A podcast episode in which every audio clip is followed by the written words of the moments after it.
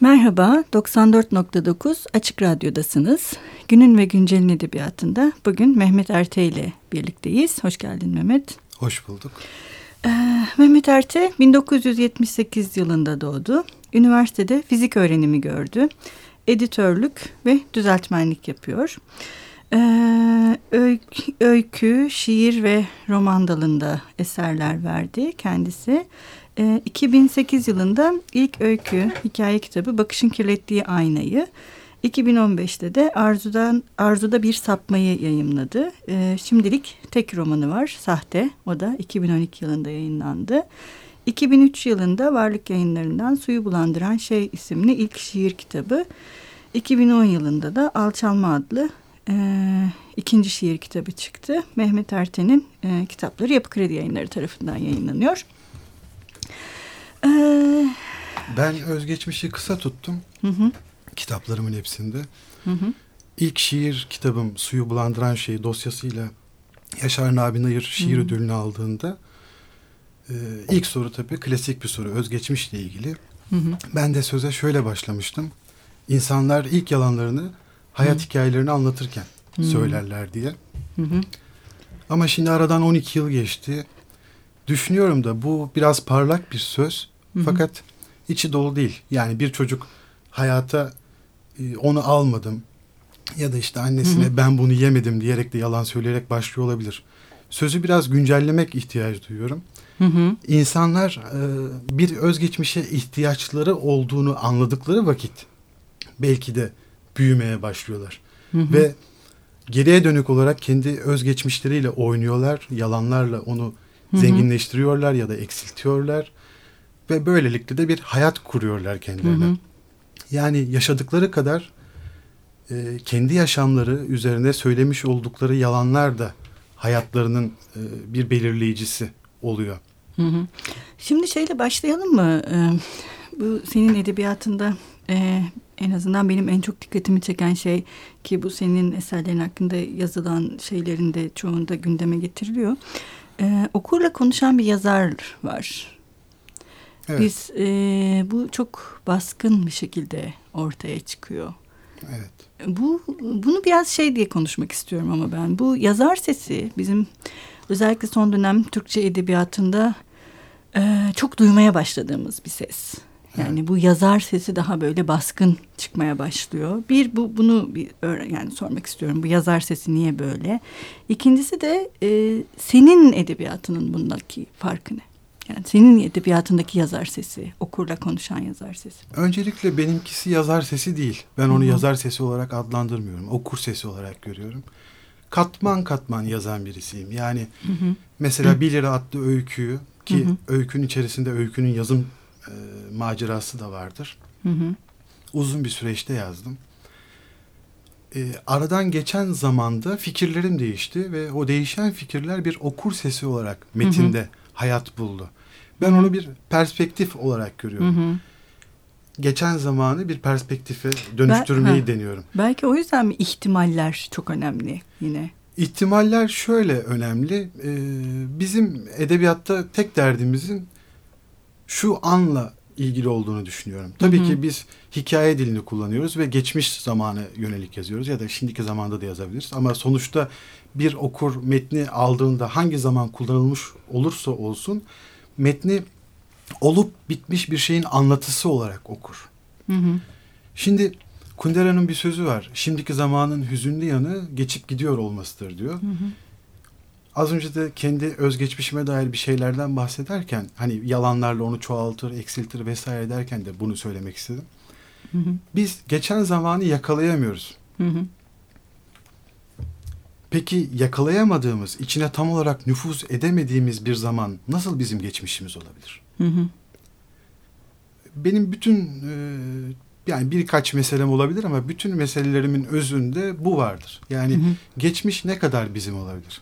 Bu geçmişi bizim kılma e, çabası. Perspektifleri çoğaltmak, ihtimalleri göz önünde hı hı. bulundurmak.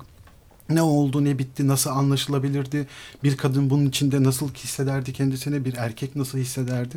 Benim genel olarak e, şeyim bu. O anı hı hı. bütün ihtimalleriyle kuşatmaya çalışmak. Fakat bu mümkün müdür? Değildir. Ben bunun e, imkansızlığını da öykülerime ya da romanıma koymaya çalıştım.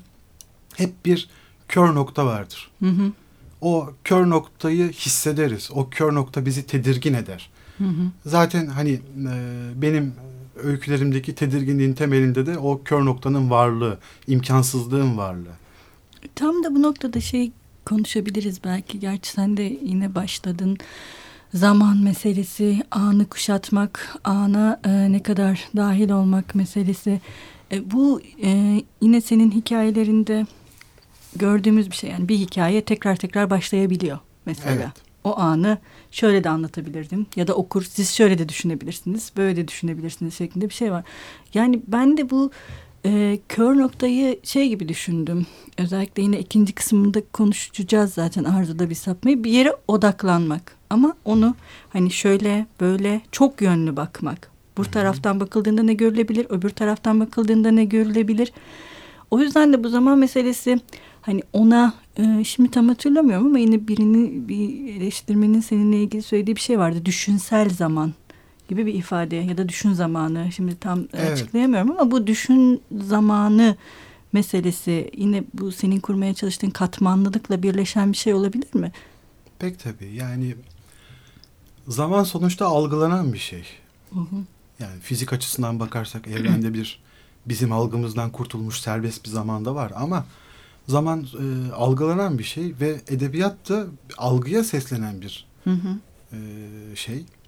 Dolayısıyla siz metin içinde zamanı kurarsınız. Hı hı. Yani metin içinde zamanı kurarsınız. Fakat bir yandan da bir zamanı kurarken o zamanın o metni yazarken e, yaşamış olduğunuz zamanla kesişmesini ve çarpışmasını hı hı. hissedersiniz.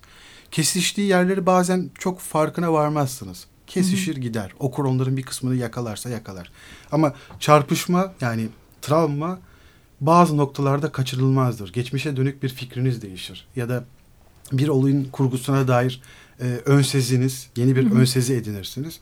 Ve o çarpışma da metne girdiğinde zamanda bir kırılma olur. Daha doğrusu metnin zamanında bir kırılma olur. Çünkü başta da dediğimiz gibi işte algıya dayalı bir şey olduğu için. Şimdi tam da bu algıdan belki işte özellikle bakışın kirlettiği aynada vardı. işte anlam bulutları dağılıyor ortalığa. Ee, şimdi bu algı meselesi ve zaman meselesi de tabii e, hiç tamamlanmayan bir anlam haline de dönüşebiliyor o. Yani okurun zamanı ve yazarın zamanı ve bizim onu okuduğumuz zaman eğer hep e, yani bir çakışma olacaksa hı hı. dolayısıyla bize onu bizim onu okuduğumuz her zaman diliminde aynı zamanda biz de o anlamın içine dahil ediliyor. Evet. Olmalıyız. Dolayısıyla Doğru. anlam e, şimdiki zamanın ki e, bu kitabın bakışın kirlettiği ayna olmasını özellikle ben çok anlamlı bulmuştum bu Hı. anlamda.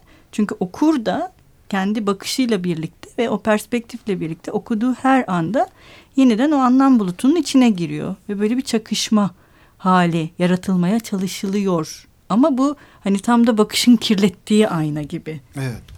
Mi? Acaba bir okur olarak tabii bunu soruyorum.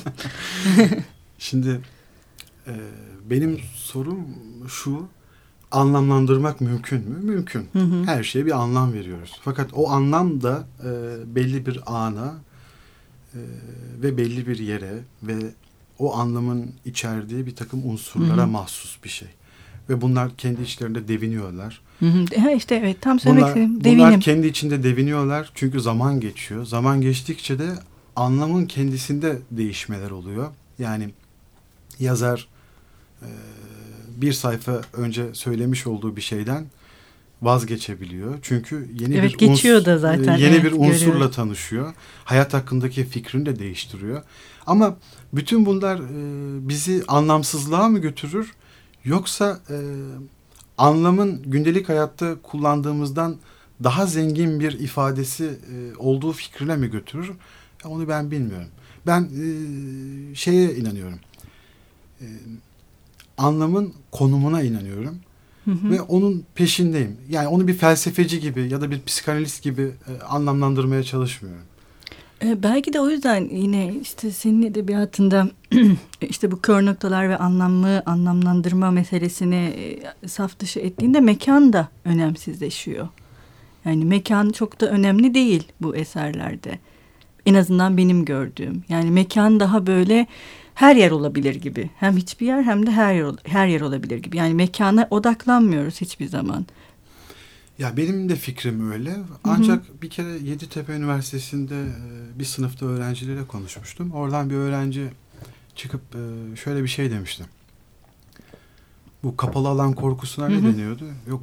Klastrofobi. Ha, klastrofobiden bahsetmişti. Bütün öykülerin bir kapalı alanda geçti. Evet, kapalı alanda geçti. Mesela otobüs, hı hı. E, genel ev odası. Evet, hep e, kapalı. İşte bir evin salonu. Evet, ben tam onu söyleyecektim. Mutfak masası. evet, evet. Yani hepsinin bir kapalı alanda e, geçtiğinden bahsetti.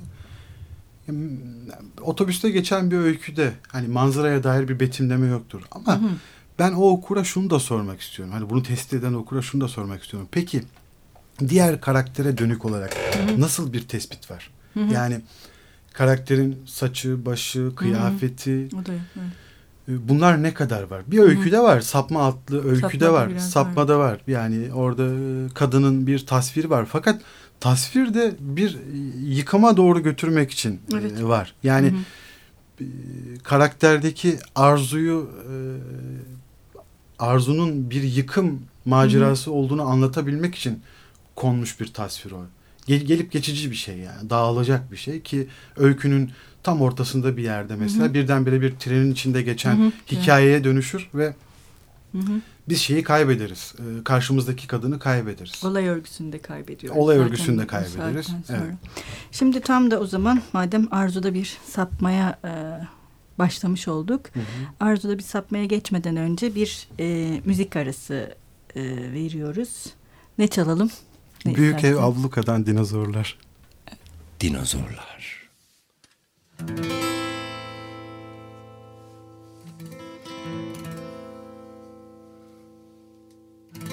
Önce su vardı dünyadan Sonra sürüngenler belirdiler Ardından dağlar oluştular. Tüm bunları izledi dinozorlar.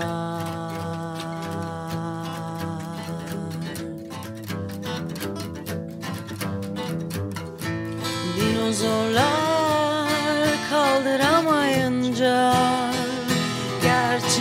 Gerçi gitmişler buradan en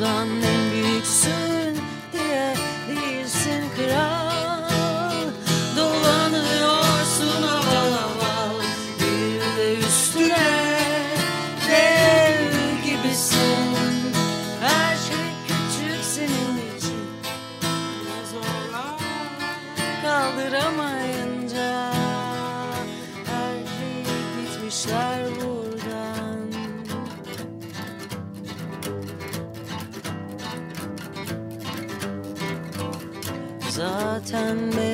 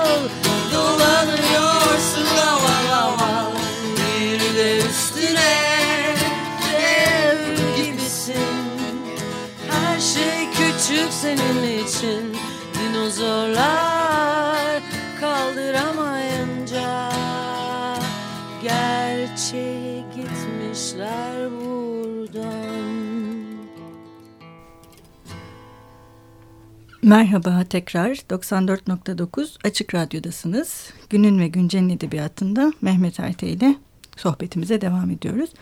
Ee, şimdi senin bıraktığın yerden devam edersek e, son kitabın Arzu'da Bir Sapma.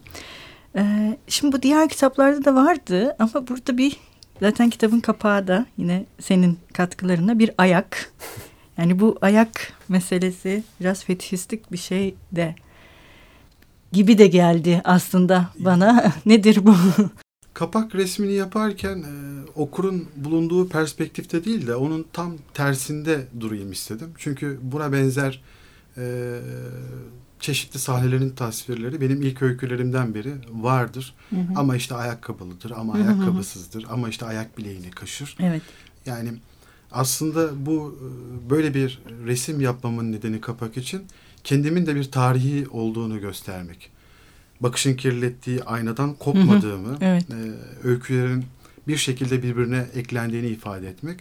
Diğer yandan resimdeki e, eğri bence e, sapmaya özgü bir e, durumu da ifade ediyor. O anlamda beğen e, kapağı uygun buldum. Yani, yani bu görseli yine, yine bir için... perspektif aslında belki o ilk başta evet, konuştuğumuz evet. hani perspektifi oradan vermek gibi mi? Şimdi biraz bu e, arzuda bir sapma çocukluk ve ergenlik e, hikayeleriyle başlıyor. Hı hı. Ee, bu da yine programın ilk kısmında konuştuğumuz gibi hani sen onu bir okur sesi olarak kurduğunu söylemiştin. Yani burada biz e, genelde yani yazarlarla konuşurken benim dikkatimi çeken bir şey var. İşte şimdiye ve ana odaklanılmış olması e, ve bu çocukluk ve ergenlik meselesinin bayağı bir kafayı kurcalıyor olması. Yani yazarların bayağı bu son özellikle beş yılda çok kafasını kurcalamaya başlamış bir mesele bu. Yani sen neden böyle başlamak istedin? Ben e, Bakışın Kirlettiği Ayna yayınlandıktan sonra hı hı. oradaki o takıntılı halin, hı hı. E, yazarın yani kendimin e, kökünü bulmak istedim. Hı hı. Bu konuda bir roman yazmaya karar verdim. Elimdeki notları açtım, defterlerimi açtım. İşte adı tasma olabilecek bir e, öykünün e, hı hı. izlerini buldum ve onu yazmaya başladım. Diğer metinlerin hepsi de benim kendi defterlerimden hani bulduğum şeyler. 2008 tarihinden sonra yazdığım şeyler değil de uçlarını Hı-hı. çok daha eskide Hı-hı. bulduğum fakat geliştire geliştire işte 2015 tarihine kadar geliştire geliştire yazdığım metinler. Amacım e, bir kökü bulmaktı ama yazdıkça bunların e, bir roman olmayacağını düşündüm. Hı-hı. Ve her parçayı kendi e, özgün atmosferi içerisinde değerlendirmeye karar verdim. Ama mesela Metin Celal'in fikri bunlarla bir roman da yapılabileceğiydi. Yanlış Hı-hı. bulmuyorum fikri. Benim de ilk baştaki fikrim oydu. Hı-hı. Ama o fikirden yazdıkça vazgeçtim. Şimdi burada biraz daha farklı bir şey var ya da işte e, bakışın kirlettiği aynayı destekleyen bu özellikle tasma hikayesi benim de çok ilgimi çekmişti burada çünkü çocuk e, okula başlayacak hı hı. ve işte annesinden kopacak hı hı. şey diyor hani benim dışımdaki her şey gerçekti henüz hiç kimseyi kendi içindeki yabancı dil anlaşılacak diye korkarken görmemiştim. Hı hı. Ve bu dil meselesi, dili bu şekilde kurmak ve dış, dışarıdaki dünyaya yeniden anlam vermek meselesi e, sanki biraz daha bakışın kirlettiği aynaya oranla daha bir anlam alanı açma girişimi gibi geldi bana. Yani çocuk ve ergen kahramanlar ya da o senin dediğin kökü bulmak biraz daha bu imkanlılığı artıran bir şey mi? Katılıyorum. Şöyle ki e, tasmadaki çocuğun dış dünya karşısında yaşamış olduğu endişe görülme endişesi. Hı hı. Artık görüldüğünün farkında çocuk. Babası tarafından, annesi tarafından, toplum tarafından, e, okulda karşılaşacağı çocuklar tarafından görüleceğinin farkında. Ve görülme endişesi onu kendi bedeniyle bir hesaplaşmaya evet hesaplaşma hesaplaşmaya götürüyor ve o an bir şeyin farkına varıyor. Bedenini hiç konuşmamış. Hı hı. Yani bedeni onun hiç konuşmadığı bir dil. Biz e, işte el hareketleri yapıyoruz vesaire yapıyoruz ama çocuk bunların hiçbirisinin farkında değildir. Yani bir tepkisinin babasına, başka bir e, gülüşünün annesine benzediğinin ya da bunun diğer insanlarla paylaşılan bir jest olduğunun farkında değildir. Bir anda kendi bedeni kendisine de yabancı bir dil aslında orada. Fakat o bu yabancılığın farkına varabilecek e, bir düşünce seviyesinde bulunmadığı için onu bir yabancı dil olarak adlandırıyor. Evet.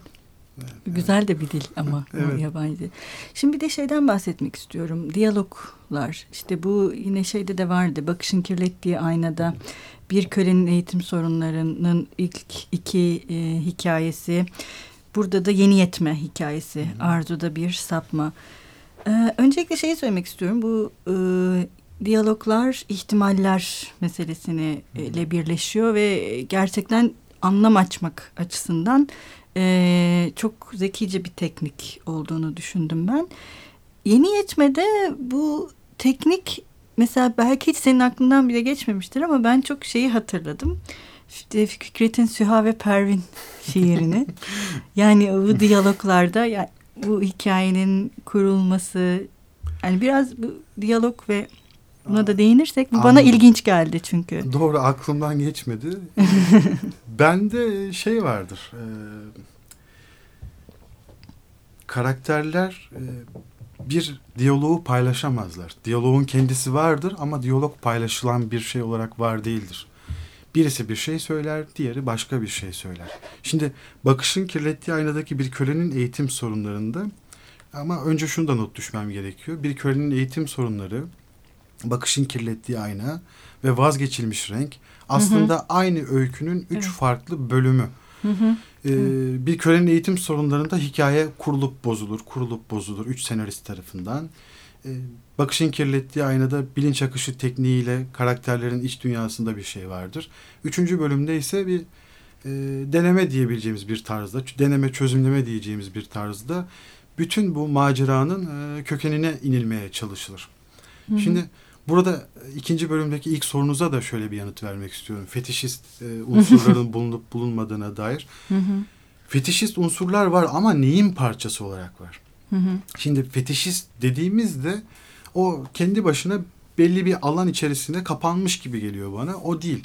Ben e, temelde köle efendi e, ilişkisi olarak bakıyorum. Hı hı anlamla olan ilişkimize de böyle bakıyorum. Bir şeyi anlamlandırdıktan sonra o anlamla e, gelişen maceramıza da böyle bakıyorum.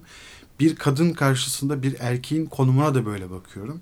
Ve o anlamda e, fetişist unsurlar var. Çünkü fetişizm bir boyun eğimidir. Hı hı.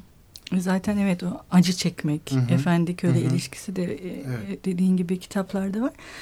Bir de bu intihar meselesi anlam hmm. ve hayatı kurmak konusunda yani intihar da benim dikkatimi çekti. Yani bu özellikle hikaye kitaplarında. İntihar mümkün mü? Yani insanın Hı-hı. kendisini bir başkası gibi öldürmesi. İnsan kendisini kendi gibi yakalayıp bir anda öldürür. E, fakat benim işte bu Bakışın Kirlettiği Aynada Sinek adlı öykümde kendisini bir yabancıyı öldürür gibi öldürmeyi amaçlar Hı-hı. ve onun imkansızlığıyla karşılaşır. Arzuda bir sapmada ise orada bir öğretmen var. Biz onun iş dünyasına dair hiçbir şey bilmiyoruz. Evet. Sadece küçük çocukların ona dair Hı-hı. yorumlarını biliyoruz. Zaten benim öykülerimde kadının dünyasına girilmez. Yani kadının ne düşündüğü, ne yaptığı, nereye evet. gittiği bilinmez. Karakter her şeyi kendi içerisinden kurar. İntiharı ben bir e, imkansızlığın, başka bir imkansızlığın, intihara dair değil, hı hı. başka bir imkansızlığın sesini duyurmak için koyduğum bir e, duvar Hı. olarak görüyorum. Evet. Bir de e, son olarak e, Arzu'da bir sapmada yani çok kısa hatta bunlara short short story mi demek lazım. Herhalde senin şair yönünün de etkisiyle oluşmuş mu diye düşündüm ben. Ben ama... bir öyküye kısa ya da uzun gözüyle Hı-hı. bakmıyorum. Yani belki metin olarak işte birisini parmağınızla ölçtüğünüzde şu kadarlık mesafeye tekabül eder. Diğeri sayfalarca Hı-hı. tutar. Ama ben ona kısa uzun meselesi olarak bakmıyorum. Yani yakalanmaya çalışılan, etrafında dönülen, Hı-hı. yerleşilen merkez olarak bakıyorum. O anlamda hatta bazen size çok gelen e, çok kısa gelen bir öykü bana uzun da gelebilir. Yani. Evet tabii tabii o kesinlikle evet. şey ama bu ben yani çok önemli olduğunu düşündüm bunların ve e, gerçekten e, istersen bunlardan biriyle bitirelim. Çünkü biz Peki. programımızın sonunda e, yazarımızın e, bizim için okuduğu bir bölümle dinleyicilerimize veda ediyoruz. O zaman Arzu'da bir sapmadan böyle Adanmış. bir bölüm. Adanmışla. Ee, Hoşçakalın. Görüşmek üzere. Her şeyi itiraf etmek. Kendimi savunmamda bana yardımı dokunacak tek bir sırrım kalmayana dek. Özümü dökmek, dile dökmek, dile düşürmek ve böylelikle kendimden vazgeçmek. Kendimi yok etmek değil fakat ona sunmak. Artık utanacak hiçbir şeyim kalmadığında tamamıyla onun olacağım. Onun olamayacak ölçüde değersiz. Harcanmaya değmez. Bana acı çektirmeye tenezzül bile etmeyeceği kadar adi benliğimle, bedenimle ayaklarına kapanmak. Kayıtsızlığında eriyip gitmek. Anlık bir bakışını dahi hak etmeden, karanlıkta. Tüm hayatım boyunca kendimi adamak istedim. Bir ideal uğruna savaşarak kendi benliğime anlam kazandırmak değil kastettiğim. Bu öyle bir kendini adama ki artık bir benden söz edilemez. Arzum tüm silahlarımdan, kalkanlarımdan vazgeçerek çaresiz kalmak. Rezilliğimle, niteliksizliğimle. Ellerimde kelepçeler, ayaklarımda prangalar olmadığı halde kımıldayamamak. Kayıp düşer gibi. Yani bir kazanın aniliğiyle kendimi birden onun bulmak. Varlığımı uçurumda duymak. Boşlukta ona tutunurken. Fakat kurtulmaya çalışmadan. Kurtarılacak hiçbir şeyimin olmadığını bilerek. O yüce değil, hayır. Ben irademi, yazgımı ona teslim ettiğim için alçağım.